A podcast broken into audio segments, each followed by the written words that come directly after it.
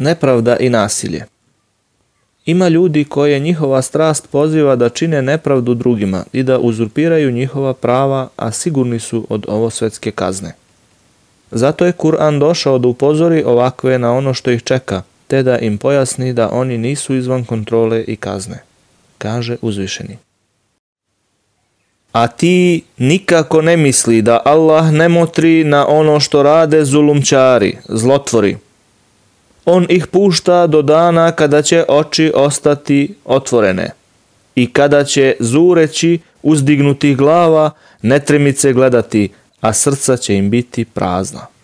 Kur'an, poglavlje Ibrahim. Kaže uzvišeni. Ali vi ne započinjite nasilje jer Allah ne voli one koji započinju nasilje. Kur'an, poglavlje Al-Bakara. Rekao je poslanik mir nad njim. Čuvajte se nepravednog postupanja jer je nepravda tama među tminama sudnjeg dana. I rekao je, ko učini nepravdu nemuslimanu koji ima ugovor sa muslimanima ili ga optereti sa onim što nije u mogućnosti ili uzme nešto od njega, a da on nije zadovoljan, ja ću se sa njim obračunati na sudnjem danu. Poslanik mir nad njim prenosi predaju od uzvišenog Boga.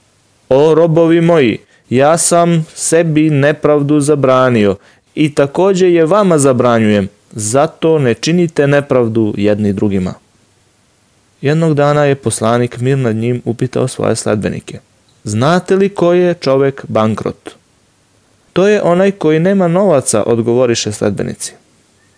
Bankrot u mom umetu, narodu, je onaj koji na sudnji dan dođe sa namazom, postom i zekatom, ali se ispostavi da je taj čovek psovao jednog, optužio drugog, oštetio nekog, prolio krv nečiju, udario nekog.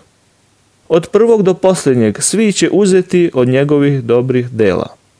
Ako nestane dobrih dela, pre nego što oni svoj dug naplate, na njega će biti nabačeni njihovi gresi i on će biti bačen u vatru. Pa da li posle ovoga iko može posegnuti za nepravdom?